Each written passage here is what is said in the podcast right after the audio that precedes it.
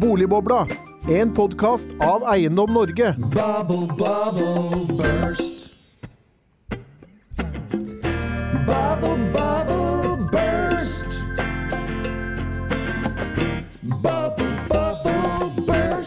Hjertelig velkommen til en ny episode av Boligbobla, denne gang om hva skjer med eiendomsproffene. For renten den biter ikke bare for vanlige bo boligeiere, den biter også for de profesjonelle aktørene i eiendomsmarkedet. De som driver med næringseiendom og bolig- og byutvikling.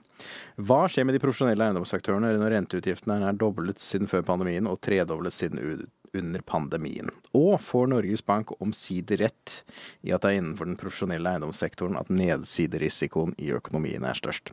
For å ta oss gjennom dette utmerkede temaet, så har vi fått med oss noen veldig spennende gjester. Hjertelig velkommen til deg, Olav T. Løstad fra DNB Bank. Head of Real Estate og Construction. Står det på din e-post. Du har norsk tittel òg, kanskje? Jeg har også en eh, norsk tittel, ja. Så jeg er leder for eiendom og entreprenør i, i DNB. Som velkommen bank. Og så har vi fått med oss Robert Nystad fra Union. Du var også en engelsk tittel, Head of Research, men du var også en norsk tittel, kanskje? Ja, eh. Analysesjef. Ja, analysesjef. Ja. Tusen takk. Eh, Hjertelig velkommen. Og ved min side som alltid så sitter du, Henning Lauritzen, Eiendom Norge-direktør. Yes. velkommen til deg. Takk, takk. Vi må jo begynne, før vi går inn i temaet, med hva som var hø hø ukens høydepunkt. For på mandag så var vi på møte hos uh, finansminister Trygve Slagsvold Vedum. Min tidligere gamle studiekamerat fra statsvitenskap også. Ja. Hva var budskapet og temaet på møtet? Nei, eh, det vi, det vi begynte med, var å prate om Katti Anke Møller og eh, en bo, bok, bok om henne. Men, eh, men så gikk, kom vi jo veldig fort over til det som var dagens tema, og det var egentlig krisen i nyboligmarkedet. Og så kan man si at eh, kan ikke staten bare sitte og se på den går over av seg selv, og ting blir reparert? Men, eh, men bolig er et veldig viktig velferdsgode, og vi får masse problemer i etterkant hvis man får langvarig trøbbel. Så da var det en prat om først problemsituasjonen, og så egentlig hva kan man gjøre? Er det noe man kan gjøre på litt kort sikt, og er det noe man kan gjøre på litt lengre sikt for å lette på dette? Nei, for, for Hvis du så på budsjettet da det ble lagt frem uh, for en måned siden, roughly, så var jo budskapet fra regjeringen myk landing i økonomien. Men når vi sitter og ser på det nyboligsalget, som nå tikker ned på ja, kanskje 11 000-12 000 i år, halvering fra i fjor, roughly, eh, så er jo ikke dette noe myk landing. Nei, og det, det, det man kanskje kan mistanke, det er, mistenke, det er at man eh, kan kanskje ha sett litt på feil tall når man skal vurdere hvordan ting går fremover. Det er f.eks. veldig lett å se på igangsettingstillatelser som SSB har, som jo er kommunenes tillatelser til å bygge enkeltboliger. Eh, men det man også må kikke på, det er om det faktisk startes bygging. Og Oslo er et veldig godt eksempel. I eh, tredje kvartal så ga Oslo kommune tillatelse til bygging av 446 boliger, men man startet bare bygging av ti. Og, og det sier seg da egentlig selv at hvis man ser på det ene tallet og ikke det andre, så får man et veldig dårlig bilde av utviklingen. Og så har vi veldig mange andre ting som, eh, som kan være litt vanskelig å ta i betraktning også. Det er sånn at eh, den boligen som ikke altså Nå tenker vi på en bolig som skal eh, nybygges. Den som ikke selges i dag, eh, det er kanskje først i eh, 2025 eller 2026 at den ikke er ferdig. Eh, Så de som er problemene i dag, er jo de som skal bygge og lever av å bygge. eh, Alle aktørene. Men fra 2025 så kan dette bli et problem for hva skal man si, de som skal inn på boligmarkedet, de som skal skaffe seg bolig. For da er det veldig mange færre boliger som kommer ut på markedet. Veldig bra. Vi skal komme litt tilbake til det temaet. For eh, Olav, du er jo altså Noen mener du er en av eh, Norges mektigste eiendomsfolk. Men det som i hvert fall er saken, du har drevet med dette lenge.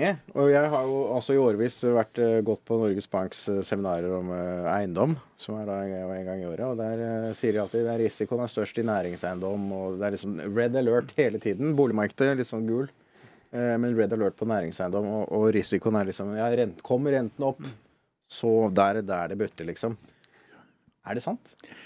Tror vi må eh, være litt mer nyansert på det. fordi at eh, ja, Renten påvirker jo veldig kraftig i næringseiendom. Selvfølgelig. Eh, Det påvirker i første omgang kontantstrømmen til selskapene med en gang, fordi kostnadene øker hvis du ikke har sikret renten. Og Det er et viktig poeng. Det er mange som har sikret renten og har en ganske stabil og forutsigbar kostnadsside der. Og det andre er jo at det påvirker jo verdier med en gang også. Eller ikke, kanskje ikke med en gang, men du ser i hvert fall at det kommer etter hvert som yielden, eller direkteavkastningen, øker. Og det er, et, eh, det er en utfordring i et sånt marked hvor det er relativt få transaksjoner. Eh, Så har du ikke så veldig mye å, å sammenligne med.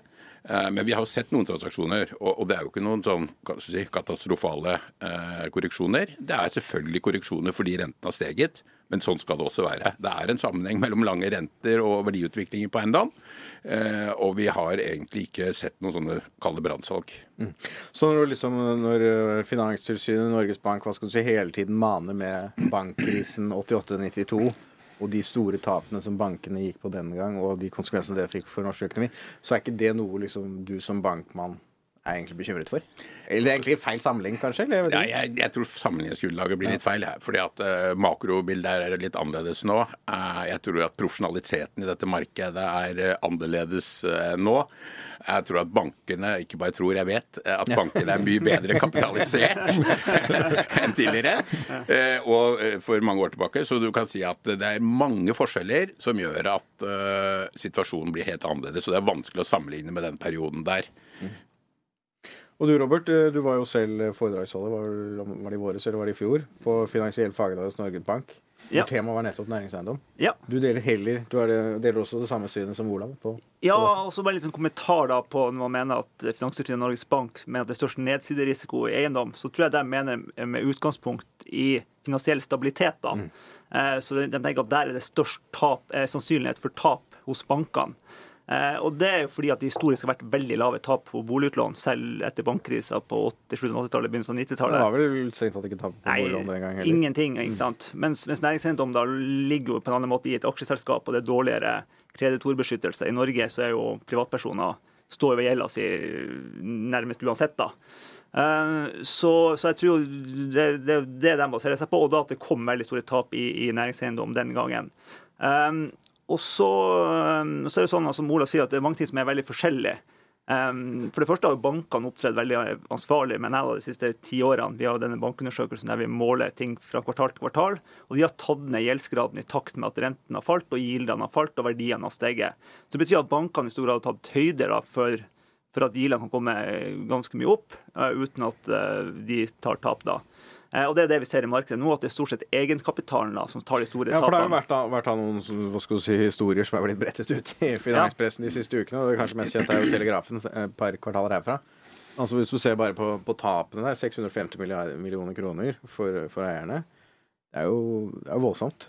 Ja, eh, så det er noen ting som er, som er blitt satt opp da helt da på, på kirkespiret da, i sykkelen. da. Eh, men selv der har du ikke vært, og da også med obligasjonsfinansiering, da, som er litt annen struktur da enn en bank. da. Eh, men selv der har du ikke vært da eh, kreditortap. da. Eh, så jeg tror det skal veldig mye til. Det er mye som er gjort da på 60 belåningsgrad inn i nedturen, og så har du avdrag. Og så har du bra inntektsvekst da, med KPI og markedsleie osv. Så, videre. så verdiene skal falle ganske kraftig før eh, særlig banker da, som har eh, panta lån, skal Og det tror jeg er en av de endringene som er den si, største forskjellen fra den eh, perioden du sammenlignet med i sted. Fordi at det er tatt mye mer hensyn til å gjøre uh, si, gode verdivurderinger er én ting, men også gode cashflow-analyser. Eh, og det gjør jo at du har et annet forhold til det, for det er jo ikke tross alt, det er jo ikke mursteinen du lever av, det er jo kontantstrømmen. Og det, det tror jeg er et veldig viktig poeng. Man har tatt ned, som du sier, Robert, verdier Nei. Ja, tatt ned verdier etter hvert nå. Eh, Noe. Og det har, det har skjedd eh, i takt med at renten har steget. Og så er det jo spørsmålet om du har funnet likevekten enda. Det har du sannsynligvis ikke. Så det er vel egentlig to mulige utfall. Enten, enten så må renten eh, falle noe, eller så må gilden noe videre opp. Skal det bli eh, en sammenheng eh, som kan forsvares, fordi du trenger et positivt yield gap for, fra investors ståsted. Så tenker jeg også En viktig, viktig forskjell av den nedturen her er jo altså det underliggende leiemarkedet er jo veldig bra. Så forretningsmodellen sånn sett er jo intakt. Ja, så det er ikke sånn at folk har forlatt lokalene. Det sitter fortsatt folk i kontorene rundt omkring. Det gjør det, ikke sant? Så, så alt handler jo egentlig om hvordan du har kapitalstrukturen da, og prisen på kapital, som er litt forskjell da, for eksempel til tidligere nedturer i eiendomsbransjen, der du typisk har bygd Du har fått en nedtur i makro, Ja. og så har du bygd mye på slutten av sykelen som blir levert litt for seint, og så får du en veldig sånn sterk nedtur i leiemarkedet. Eller innenfor olje og offshore i 2014-2015, der det underliggende markedet gikk veldig eh, i vifta. da. Eh, Mens her er det jo egentlig kapitalstrukturen da, som, som må justeres. Og verdiene, da. Men, men altså, hvis man nå ser da, liksom det jeg sa, nevnte på innledningsvis, dobling av restyringsrenten da, siste år, typ. Hvordan liksom, Hva betyr det altså Vi som er vanlige forbrukere, vi sitter jo og får disse varslene der. ikke sant? Hvordan fungerer dette for de profesjonelle aktørene? For de finansierer seg vel ikke på den måten som en vanlig husholdning? på en Jeg, jeg tenker at det er litt todelt. På den ene sida, som Olav var inne på her i sted, så er det jo mange som har rentebindinger. da. Mm. Eh, og det gjør jo at det tar lengre tid før den nye kapitalkostnaden spiser igjen av eh, skulle si, den gjennomsnittlige Men det betyr rentebelastninga. ikke at man da har hva skal si, bindingstid på tre, fem, ti år på Ja, det, finansiering? det der kan variere, avhengig av hva, si, hva slags eh, rentestrategi selskapet har. Men de store profesjonelle selskaper har jo en rentestrategi, og da eh, legger man faste renter på forskjellige løpetider. eh, og ser det opp mot eh, hvilken eiendomsportefølje du har, eh, løpetid på kontrakter osv. Som, som i, i, i sum gjør at du har en mye større forutsigbarhet i kontantstrømmen. De som har tatt risiko på å ligge flytende, ja, de har selvfølgelig en mye større utfordring, og det påvirker nøkkeltallene med en gang. Ja. Så her er, så her er det ganske stor variasjon, da. Eh, også det, det andre som er på en måte liksom der egentlig næringseiendom er, på en måte kommer dårligere ut enn bolig, det er at i tillegg til at renta øker, så øker kredittpåslagene. Altså risikopåslagene mot eiendomsselskapene. Så det betyr jo at rent, altså, finansieringskostnaden øker jo mer enn en, Relativt sett mer enn den gjør i- i, i bolig. ikke sant? Eh, og der, Det er også veldig selskapsspesifikt, og særlig innenfor obligasjoner. Og i Sverige så har du hatt da selskaper som har lånt da penger på eh, 50-60-70 basispunkter, altså 0,67 prosentpoeng, mm. opp på pengemarkedsrenta. Og den var jo null tidligere var null en periode. ikke sant? Som, så, så der er jo oppgangen dramatisk da, når du plutselig må betale mange hundre basispunkter da, i kredittpåslag pluss pluss renta. da. Så her er det liksom, en god blanding, da. Um, så det er ikke så homogent som i boligmarkedet. I Norge så ligger det stort sett alle med, Alle med på det samme Men, men, men, men hva med de små næringsaktørene? Altså, de har vel neppe noe eh, avansert rentestrategi eller uh, veldig spredning av finansieringen sin, har de det? Det tror jeg, det kan nok variere litt, men jeg, det er nok som du sier at jeg tror det er mindre, har vært mindre fokus på rentebinding, og at man har ligget mer flytende, sånn som du kanskje gjør i, i, i bolig, boligmarkedet som privatperson. Eh, Jeg vil anta det. Så det er klart, det, det påvirker jo med en gang, det. Det gjør det. Og så er det jo, liksom- det er jo også ofte er jo liksom, de eiendommene lav gild, da. Har jo ofte ansett som trygt og godt sted å være. ikke sant? Og Det er både der innenfor næringseiendom og kontor, men også på boligutleie i Oslo. ikke sant?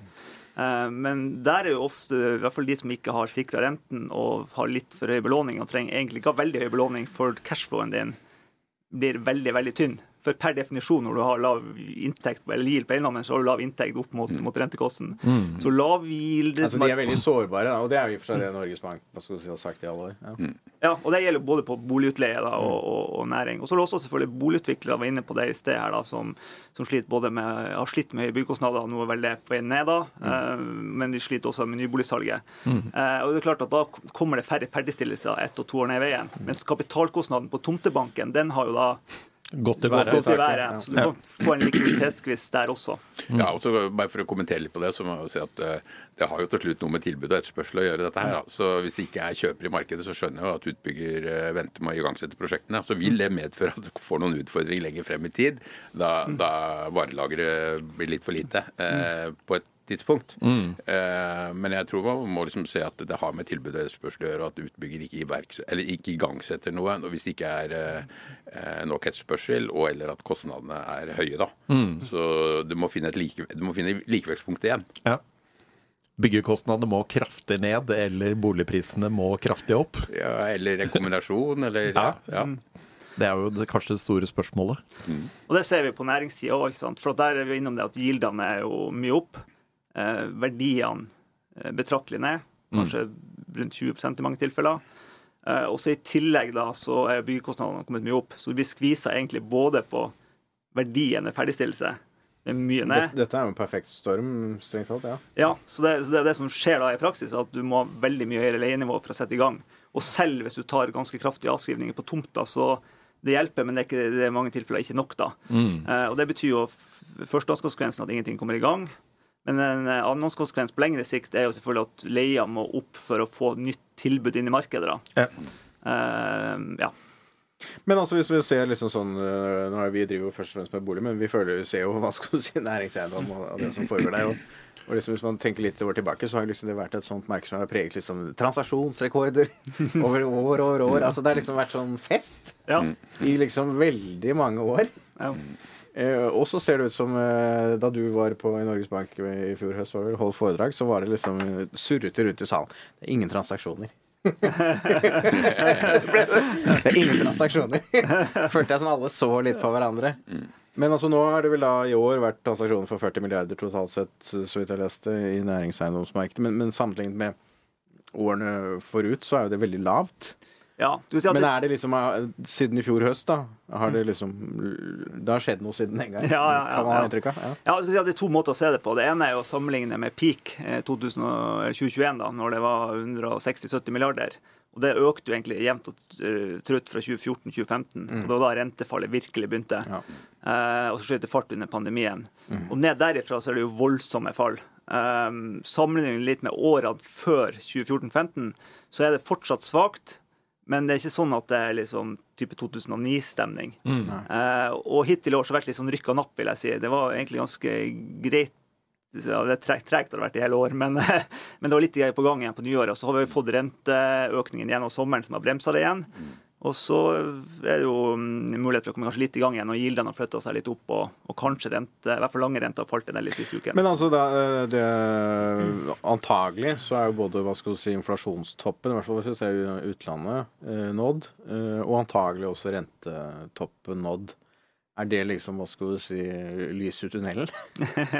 Ja, det er jo det. Jeg tipper, jeg er som tipper at det kommer 25 punkter til i desember. Nei, I Norge, da. I Norge, ja. Så, så, eh, men, eh, men uten at jeg tror egentlig det har så mye å si. Nei. Det som har noe å si, er det store bildet globalt. Så vi følger jo prøver å følge mye med så det skjer i Altså Europa. Altså utviklingen i verdensøkonomien og Ja, kapitalmarkedene og, og realøkonomien i Europa og, og USA. Og der peker jo egentlig alt på at inflasjonen har falt kraftig. Eh, og fortsatt i fallende tendens. Eh, og, og man kanskje i praksis allerede er i resesjon i, i Europa. Så Det legger jo selvfølgelig grunnlaget for at, eh, nei, unnskyld, eh, at eh, renten kan komme, kuttes i neste omgang, da, hvis vi kommer inn i en svakere utvikling. Og Det tror jeg er et viktig eh, poeng. Eh, hvis du kommer inn eh, der og du kan se at renten igjen kan kuttes, så vil det skape en annen psykologi eh, i dette markedet også, som eh, antagelig vil ha en viss, eh, viss påvirkning. Og kanskje spesielt i, i boligmarkedet, tror jeg.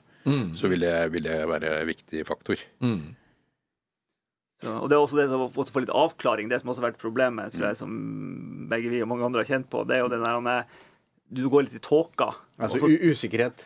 Usikkerhet. Ja. Og det tror jeg du ser igjen. Det, det du ser også eh, på det du snakket om i stad, med kredittpåslagene som er eh, høye. De er like høye nå som det de var i de forrige gangene vi har vært eh, i litt sånn eh, uklart eh, farvann. I 2008, 2009 og i 2014 og sånn. Da var det sånne kredittpåslag da òg. Og det er jo bare en, eh, at du priser inn den, den usikkerheten som ligger i markedet. Og det er derfor eiendomssektoren nå har mye høyere kredittpåslag enn andre sektorer, som f.eks. kraftindustrien eller annen industri. Eh, så må du, må du si, betale for den usikkerheten, da. Men hva, hva er de viktigste årsakene til at transaksjonsnivået er uh, lavt? Jeg, jeg tror en av årsakene, eller det, kanskje den viktigste årsaken, er at det var det jeg nevnte i stad om at du, du, du vil vanskelig handle på et negativt yield-gap. Altså du vil ha en avkastning på de pengene, og da finner den kapitalen andre veier å gå. Eh, Altså, da, da, da kjøper man en fabrikk eller Ja, altså, et eller annet gjør annet andre alternativ. investeringer da, som ja. gjør at du får en, eh, en positiv avkastning på det. For det, det over tid å handle på en negativ, eh, negativ yield, det, eller negativt yield gap, det er, det, er du ikke, det er jo ikke interessant. Men for å vende litt tilbake til det vi begynte med her, da. eh, Hva betyr for det første det er utviklingen i boligprisene, bruksboligmarkedet som det vi driver med, og for det andre da nyboligmarkedet for næringseiendomssektoren? Som, et generelt spørsmål. Ja, hva, hva tenker du? Nei, altså når vi da ser, da, som vi begynte her, da, med, med de nyboligsalget på, på 11 000 eh, Det må jo få betydning for uh, tomteverdier, for prissetting, altså hvordan man tenker rundt uh, konjunktursituasjonen. uh, og så litt Ja, sånn. ja, altså, det er et par viktige faktorer som skal ta hensyn til her. og Det ene er jo at det er rekordlav ledighet i næringseiendomsmarkedet. Kontormarkedet har historisk lave ledighetstall. Det er eh, vel historisk høye eh, leiepriser også, og det teller jo veldig positivt eh, nå. Eh, og så kan du si at ja, får du økt antall konkurser, så kan jo den topplinjen endre seg. Eh, Foreløpig har jo dette sett veldig bra ut. Og i tillegg, i hvert fall hvis du ser på de store byene, så bygges det veldig lite nytt. Og det påvirker jo også tilbud og etterspørsel her. sånn at uh, det er en del sånne positive faktorer. Uh, inflasjon også har hatt mye å si for gårdeierne her, selvfølgelig. Fordi at du får jo eh, inflasjonsjustert leiekontrakter. Uh, som igjen har gjort at du har økt eh, topplinjen. Eh, I fjor var det vel 7 og nå er det vel ja, mye er det nå? 4? 4-5, kanskje. 4-5 ja. eh, Og det betyr også noe her. Selv om det betyr lite, eh, relativt lite da, i forhold til den eh, kraftige renteøkningen hvis du ligger flytende på rentesiden. Men, men øh, for å ta boligmarkedet, da. Altså, det snakkes jo også om at nyboligsalget er litt sånn resesjonsvarsel. eh, Hope kalles det. Altså housing, eh, orders, eh, production, employment. Altså arbeidsledigheten er sist, da.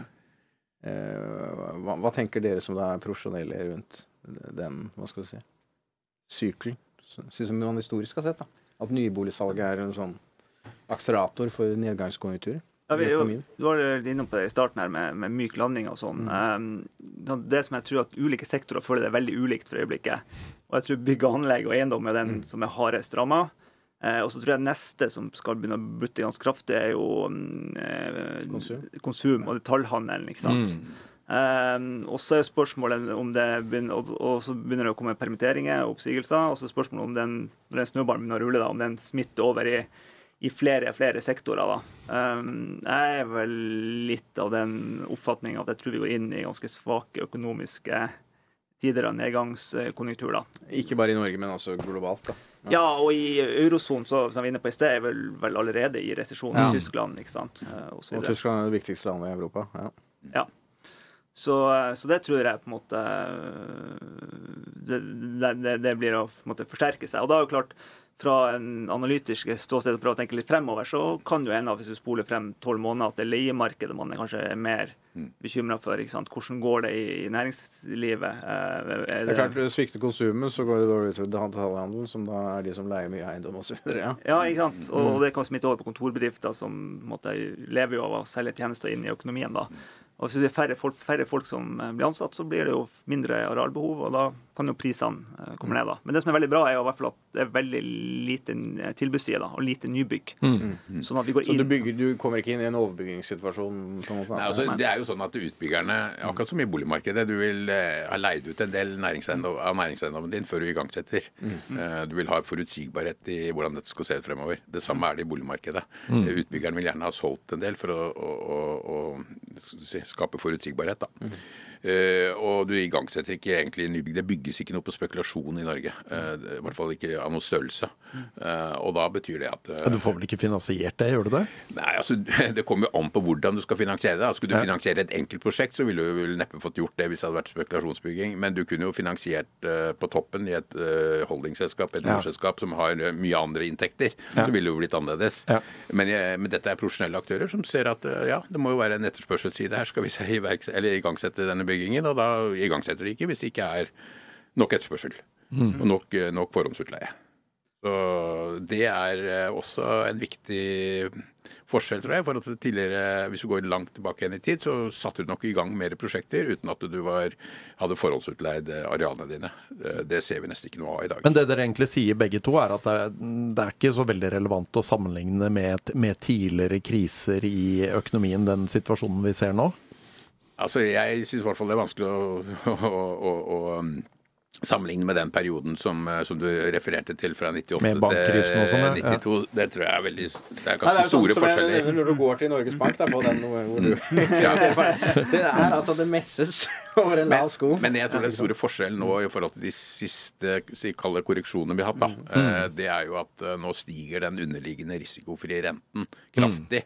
Og du har eh, relativt Altså amerikanske statsobligasjoner. Ja, og du har jo sett det nå over tid, hvor raskt, eller hvor si, aggressiv den rentepolitikken har vært. da, hvor, du, hvor mye du har eh, si, løftet renten, og hvordan det har påvirket eh, påvirket den risikofrie renten. Eh, og I tillegg relativt høye kredittpåslag. Det er jo den store forskjellen. Eh, hvis du går tilbake igjen til 2008-2009, eller når- vi hadde den eh, finanskrisen, så valgte jo Norges Bank å sette ned styringsrenten.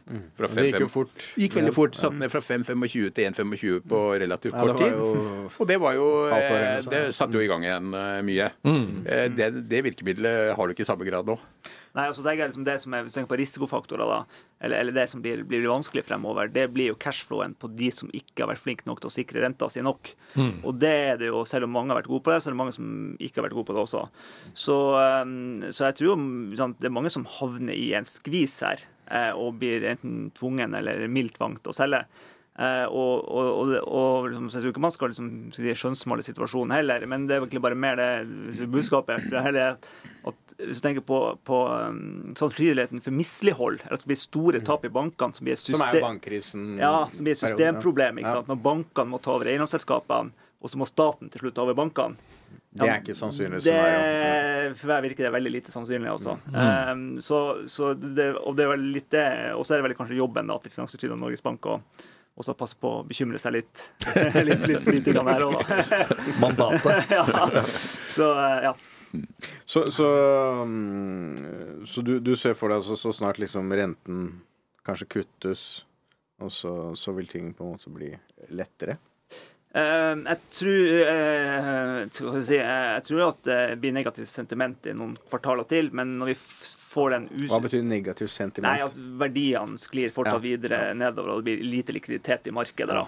Um, Fortsatt få transaksjoner? og, og få og lange prosesser og all den biten der. Og så tror jeg ikke det er noen sånn quick fix at du får markedet i gang igjen med en gang. Husk, husk på at lange renter allerede har diskontert inn flere rentekutt i kortrenta, altså kurven har invertert. Så det er jo ikke sånn nødvendigvis at lange renter skal følge eh, like stor grad ned da, som, som korte renter. Så, så, og, og, det er fortsatt dårlig yield gap, som Olav var inne på her i sted. Så det er ikke sånn at med en gang renta begynner å kuste, så, eh, så kommer gilda ned, og alt er, alt er i gang igjen også. Det tror jeg skal mye til, altså. Så altså, uansett hva, hva som skjer, så blir det noe annet enn det som har vært forut for her de siste årene? Ja, i hvert fall. eh, Ja. Eh, Jeg tror den perioden har vært litt unik. Og så, så får vi sikkert eh, gode tider igjen. Da. Og jo mer ting faller i verdi, jo mer grobunn legger du selvfølgelig for en, en opptur senere eventuelt. da. Men, men det er ikke noe som tyder på at det skal snu tilbake til 2021 med, med det første. Nei. Og, og hvis vi ser det i et veldig langt perspektiv, Ja. så kan du si at uh, renten har jo stort sett vært fallende fra den perioden vi snakket om, fra sånn begynnelsen av 90-tallet, Ja, ja. eller egentlig etter det, før det òg, slutten av 80-tallet, og ned, så har det vært fallende renter. Det er klart det har vært en viktig driver for verdiøkningen i, i næringseiendom. Eh, og så opplever vi nå, eh, med unntak av noen kortere perioder, eh, så opplever vi nå for første gang en ganske kraftig renteoppgang. Det er klart det får, det får eh, effekt, det. Det slår med en gang. Eh, nå er vi tilbake igjen med det sånn, kall normalt rentenivå. Vi har vært på et unormalt lavt rentenivå nå i noen år. Og det gjør jo at det har eh, vært eller en av årsakene da, til den voldsomme økningen vi har sett i verdier på næringseiendom og tilsvarende omsetning av næringseiendom.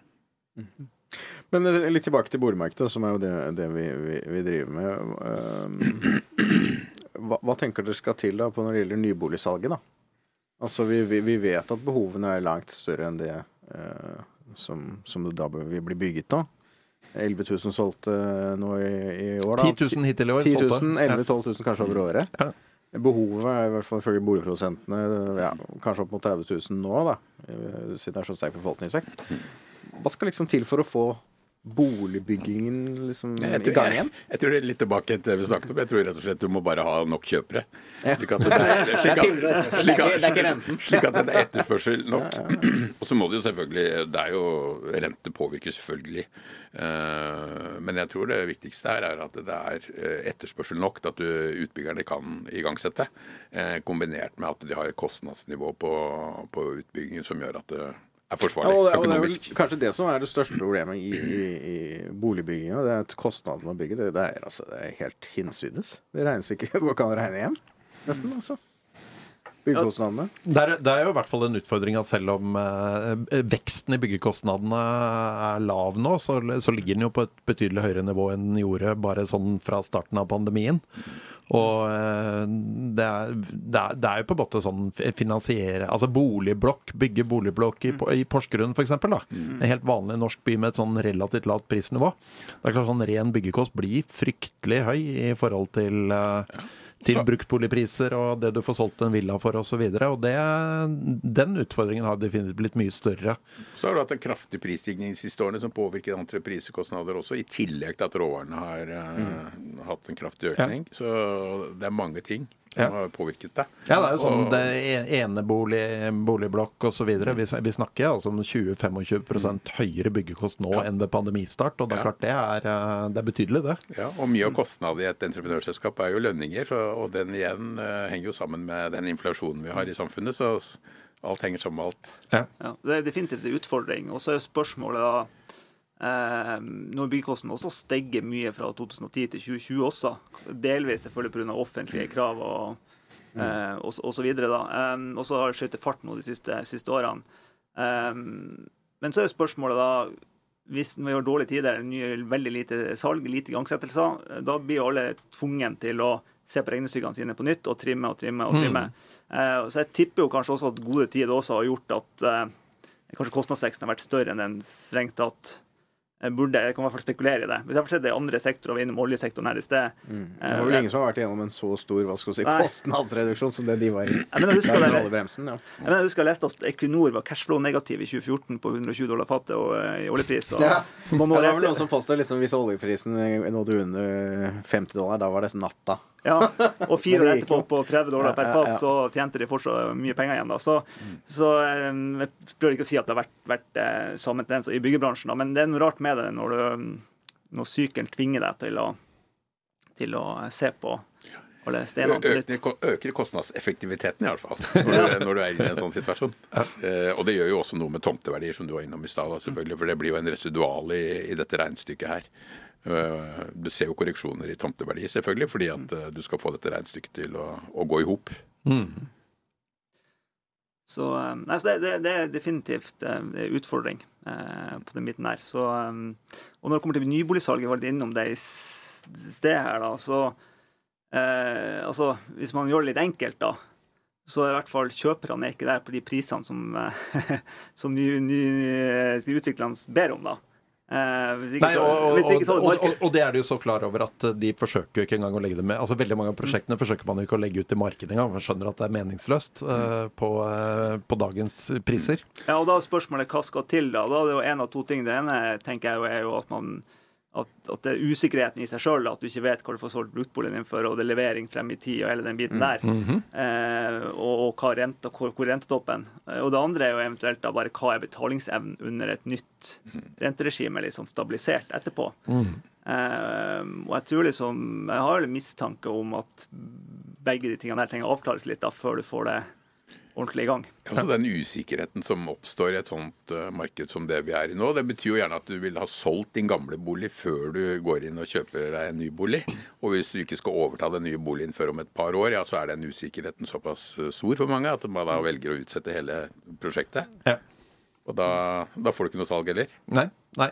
Men eh, akkurat det der eh, det er faktisk litt interessant. Vi må se på eh, si bruktboligmarkedet, f.eks. Sånn kjøpe først, selge først. Så var det selv under den verste perioden i finanskrisen, så eh, var det ikke mer enn sånn 30 pluss prosent som eh, solgte først. Eh, og normalt så ligger det på sånn et eller annet sted i området rundt 20, så det, er, eh, det, det går nok litt opp i hva skal vi si, mer krevende tider, men, eh, Men har ikke det noe med tidsperioden å gjøre? Hvis du skal kjøpe deg en bruktbolig, så kan du jo se boligen med en gang. Men hvis du skal kjøpe deg en nybolig, så går det et par år før Jo, den står jo ferdig. Jo, det er klart da blir usikkerheten veldig mye større. Og det er klart eh, to, to år fram i tid eller handle i samme marked har stor Ja. betydning. Men, ja. men det, er, det er interessant å observere, i hvert fall. Og, Men vi tror jo det er en av de viktige årsakene til at, at det også går veldig trått i nyboligmarkedet nå, i tillegg til de høye prisene. Men vi skal se litt på der vi begynte, da, Henning. Altså, kanskje bommet regjeringen på konjunktursituasjonen? Kan det kanskje få mistanke om? Kanskje, Når de sa, sa myk landing og ikke så på bolig, nyboligsalget. Eh, det virket i hvert fall som Vedum og hans kobbel av byråkrater de hadde noe å tenke på etter møtet eh, vi hadde. Men, men eh, hvis du skal se for deg liksom politikerne i regjeringen, altså hva, hva det, hva kan man egentlig gjøre da for å fikse krisen i nyboligmarkedet? Det er- jo Utfordringen med nyboligmarkedet er at veldig mange av tiltakene vil ta enormt lang tid å gjøre noe med. Altså hvis man for eksempel- kostnadssiden som du snakket Ja, om. Hvis man skal se på kostnadssiden, så er, så er selvfølgelig én ting hva utbyggerne selv kan gjøre, å trimme prosjekter og endre prosjekter og sånne ting, men, men utfordringen, hvis du ser på det det offentlige bidrar med eller ikke bidrar med, så, så er det jo veldig lange veier. Det kan være ting som krever lovendringer, altså forenklinger og sånne ting. Eh, så de, altså, de mest effektive tingene vil antagelig være på etterspørselssiden, som du kan altså si eh, fjerne utlånsforskriften, litt ekstra etterspørsel. Eh, det kan være at du justerer noen skatteregler for utleie av boliger. Du kan få det umiddelbare virkninger. Og det, det kan også være å få noe penger inn i boligmarkedet på etterspørselssiden på andre måter. Altså si kommuner som kjøper boliger i nyboligprosjekter for å få dem i gang. Eh, De sitter jo med massevis av mennesker som de har forpliktelser overfor, som skal ha et sted å bo. og eh, Får ikke i gang markedet, så blir det også veldig dyrt for det offentlige på, på mange måter. Så det er liksom de raske tingene. Og så når det gjelder bruktboligmarkedet, altså eh, nyboligmarkedet får ikke noe hjelp av bruktboligmarkedet, sånn som det har gått nå. Vi har hatt da Ender kanskje på null i nominelle termer da i år. Ja, altså så, så, så lenge bruktboligmarkedet går sånn eh, relativt flatt nominelt, eller kanskje svakt ned, og byggekost fortsatt går litt opp Jeg mener sånn SSBs byggekostnadsindeks er jo opp 3-4% siste siste tolv måneder. Så, eh, så, gjør ikke det situasjonen mye lettere.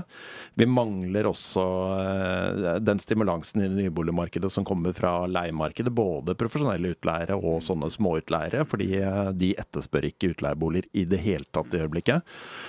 Så det er klart det er, det er på en måte mange ting som mangler i regnestykkeøyeblikket. øyeblikket. Og det er jo å se om det går an å få inn noen av disse faktorene. Og få, eh, I hvert fall få til den etterspørselen lite grann. For bare det å få opp nyboligproduksjonen 10 eller 20% i forhold til det lave nivået vi er på nå, det, mm, det hjelper lite grann. Nei, fordi det du og jeg har jazzet om eh, mye på kontoret i det siste, det er jo hva i all verden er det boliginvesteringene, sånn som SSB måler de, hva er de driver med der? Fordi at de er jo da boliginvesteringene PT er vel ned 15% da, i da løpende regnskapsførselen i nasjonalregnskapet. Men til neste år så prognostiserer de at dette skal være i pluss. Svakt positivt, litt opp, litt snu. Altså det er et eller annet som er rart her. Ja, fall- hvis da nyboligsalget, slik boligprodusentene teller det, har forklaringsverdi for boliginvesteringene frem i tid, Ja. Nei, det er mange, mange ting som er spennende der. Det er klart Hvis vi, eh, hvis vi ser på boligbyggingen alene da, og sier at vi går ut av dette året med 12 000 igangsettinger, mot det dobbelte i fjor, et nivå et par år tilbake i tid hvor vi lå oppe på 30, eh, så, så blir det jo en dramatisk reduksjon i produksjonen innenfor bygg i Norge i første runde. Altså 66% ned på to år, da. roughly. Ja, og så får noe- noen spennende regnskaper for boligbyggerne i 2025 og 2026 og, eh, og utover. Og det er klart eh, det blir ganske mange overleveringer av boliger som ikke kommer. Eh, Sånn at det er vel akkurat på det området vi er litt usikre på om man eh, egentlig har tatt det inn over seg hvor, eh, hvor lavt vi ligger i øyeblikket. Og eh, man kan, man kan på en måte alltid diskutere hva som er relevant, men det er klart sånn eh, i absolutte tall så, så ligger vi nå under finanskrisebunn på igangsettinger og solgte nyboliger. Eh, og så kan man si at ja, ok, i dag er befolkningen 700 000 høyere. Har det en relevans? Skal man justere for det eller ikke? Det kan man jo diskutere. Men, eh, Antagelig bør, man kanskje det. det, det kan jo være da en viss relevans. Det er klart sånn, det å stipulere et boligbehov, det er, det er litt sånn Du kan gjøre det på en økonomisk måte, du kan gjøre det på litt sånn filosofisk måte, du kan måle mot politiske mål. Det er litt sånn eh, Det er egentlig litt sånn krevende Det er flere øvelse. måter å gjøre det på, i hvert fall. ja, det er, det er mange måter å gjøre det på, men det er klart det er et politisk mål i Norge at flest mulig skal kunne eie sin egen bolig. Det er én måte å måle det på. Det er klart det å få tilbudsunderskudd i 2025, 2026 osv. Samtidig som vi da ser at vi har en eh, i hvert fall en veldig stor befolkningsvekst i øyeblikket pga. mye flyktninger. Det kan, det kan skape noen veldig kompliserte situasjoner litt frem i tid. Og så vil jeg jo si sånn Finanskrisen satte mange spor i boligmarkedet. Jeg, jeg vil jo si at den ekstreme priseksplosjonen vi fikk da Norges Bank satte ned styringsrenten fra slutten av 2014 til starten av 2016, 23% opp i Oslo, og 13 i Norge, det var delvis pga. tilbudsunderskudd i kjølvannet av finanskrisen. Eh, Jeg mener jo, det, det er ikke sikkert Finanstilsynet er enig i det, men jeg, jeg mener jo at eh, vi hadde ikke hatt så streng utlånsregulering hadde vi ikke hatt eh, 2026-året med den gjeldsveksten det førte til. Ja, 2016, men Ja, 2017, ikke 2026. Der er vi ikke Eh, nei, nei, men så, så, så det er liksom man, man får sånne veldig lange haler, da. Og det er klart, når vi er på et, eh, et marked som boligmarkedet som er veldig Altså det er, det er viktig for folk, det er viktig for arbeidsmarkedet at det fungerer godt osv. Så, videre, så, så Det er viktig det for norsk sånn økonomi Ja, Det, det vil jo kunne skje igjen, det. Hvis tilbudssiden er for svak, så kan du jo oppleve at du får en ny sånn boom på et tidspunkt. Eh, Men samtidig så tror jeg skal være glad for at eh, markedet eh, opererer sånn som det gjør, nemlig at de vil ha mest mulig forutsigbarhet i forhold til til boligbygginger, slik at du ikke spekulasjonsbygger og bygger lager på noe som du ikke vet om du får solgt. Så det er en balansegang her. Men at, Det, du, kan, det er helt men at du kan få 100% enig i. volatilitet i dette markedet pga. det du snakker om nå, ja. Det kan du Vi skal, vi skal ikke ha noe sånn Spania eller Irland i eh, det norske boligmarkedet. Det er er ikke du som er sikkerhetsventilen for at vi ikke får Spania og Irland i realiteten. Ja, jeg, jeg, jeg tror det er profesjonelle utbyggere jeg, som er det viktigste, og det er det, det vi ser så veldig mye av i Norge. ikke sant? At det er gode profesjonelle utbyggere som er gode til å,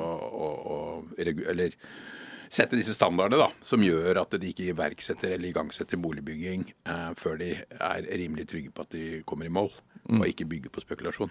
Og det, er, eh, det, er, det har vært en utvikling her som har vært eh, veldig, veldig god. Eh, og, og Norge er kanskje skiller seg litt ut her også, tror jeg, i forhold til andre land, ved at man har dette prinsippet med å forhåndsholde boliger før du igangsetter. I hvert fall en god del av boligene er forhåndsholdt. da. Men vi ser jo også prosjekter nå som eh, Det er kanskje noen eh, spesielle tilfeller, men vi ser jo noen enkeltprosjekter som selger veldig godt. Og det har noe med beliggenheten å gjøre. ja, Eh, Og så kanskje de- segmentene. og segmentet også, kanskje. ja. Så vi ser det. Hvis alt er riktig og det er veldig dyrt. det ja, det kan du godt si. Det er, det er, det er dyrt, men det er, det er noen som gjerne vil ha det, da. Tydeligvis. Altså, har vi, et, eh, vi har et veldig sterkt forbrukervern i Norge. altså Bussavføringsloven som gjør at uh, utbygger får ikke hånden på eh, boligkjøperens penger, eller noen deler av dem egentlig, eh, før du, er, før du overleverer. Det er klart, uh, det er jo annerledes enn en del andre land også. Kina, det er mye som er bygd for stakkars husholdningers penger der, som uh, ja, det er Det var, jo- var jo noe som het kommandoøkonomi å stimulere aktiviteten. Men eh, dette tiden løper når vi er i podkaststudio, det er det ingen tvil om. Eh, men vi har en fast spalte som vi alltid spør gjestene våre avslutningsvis. Så det er min første bolig. Hva kjente du, hva følte du? Hva, du kan også si hva du betalte. Robert, du først. Din første bolig. Eh, oi. Um, kjøpte bolig i Tromsø før finanskrisen. Oi, oi, oi. På toppen. Så uh, Det var jo et sted det virkelig var finanskrise. Yes, yes, yes. Så den første boligen ble ikke noe lønnsomt. Det ble ikke noe tap heller, men jeg kom vel ut sånn bitte litt i pluss sju-åtte år etterpå. Når var, dette var da 2006-2007 eller noe sånt? Ja. Jeg husker Husbanken hadde jo finansiert noe litt sånn fascinerende borettslag i Tromsø, så vidt jeg husker. Ja, det var, det, det var ikke Jeg hadde ikke kjøpt det. så, det var ordentlig finansiering, altså. Så, men, eh, men det stemmer, det. Det var, det var et svært sameie da på Ja, det var kanskje det, det det var. som, ja. eller, ja, det er et svært prosjekt på noe som heter Thomasjord. Ja. Så det, det endte i hendene til Edgar Haugen i Ragde Eiendom. Det er han som eier den med, byggen vi med, med, ja. med flere. Nettopp, nettopp. Nei, riktig, riktig. Og hvordan din første bolig? Hva- Du, Min første bolig var eh, på slutten av 80-tallet, eh, og det var på Kongsberg. Og Kongsberg hadde vært igjennom en litt spesiell situasjon da, fordi den store industrivirksomheten Kongsberg Vomfabrikk hadde fått en akkord, eh, og det var satt i gang mye ny virksomhet på Kongsberg med utspring i den gamle virksomheten. Eh, Blant annet eh, Kongsberg Gruppen og, og mange nye selskaper dukket opp. Og da var egentlig konjunkturbildet i ferd med å snu. Så egentlig for meg så var det et godt tidspunkt å kjøpe på på slutten av 80-tallet. Eh, så det, og jeg sitter med boligen fortsatt, så Du er, ja, du bor der fortsatt også, eller? er ja. Så du bor i din første bolig? Ja, I tillegg til at jeg har eh, leilighet her i Oslo. Ja, Det er jo veldig morsomt. At det er, det, du er den, tror jeg, den aller første gjesten som har kommet med det svaret. Som bor i den første boligen. Så, og Kongsberg har jo hatt et, eh, en fin utvikling pga. Av, av industrivirksomheten, eller teknologivirksomheten, Ja. eh, og alle utspringene som kommer derfra, som gjør at det har vært en fin vekst eh, på Det er jo Engineering Valley. Det er liksom fra? Drammen opp til sant? ja. Nei, veldig bra. Hjertelig takk eh, til Olav og Robert, og hjertelig takk til deg, Henning, eh, som alltid. Vi er tilbake med nye episoder av Boligbobla før vi tør av det. Hjertelig takk for denne gang. Selv takk. Ja. Selv takk. Hyggelig å være her. Boligbobla, en podkast av Eiendom Norge. Bubble, bubble, burst. Bubble, bubble, burst.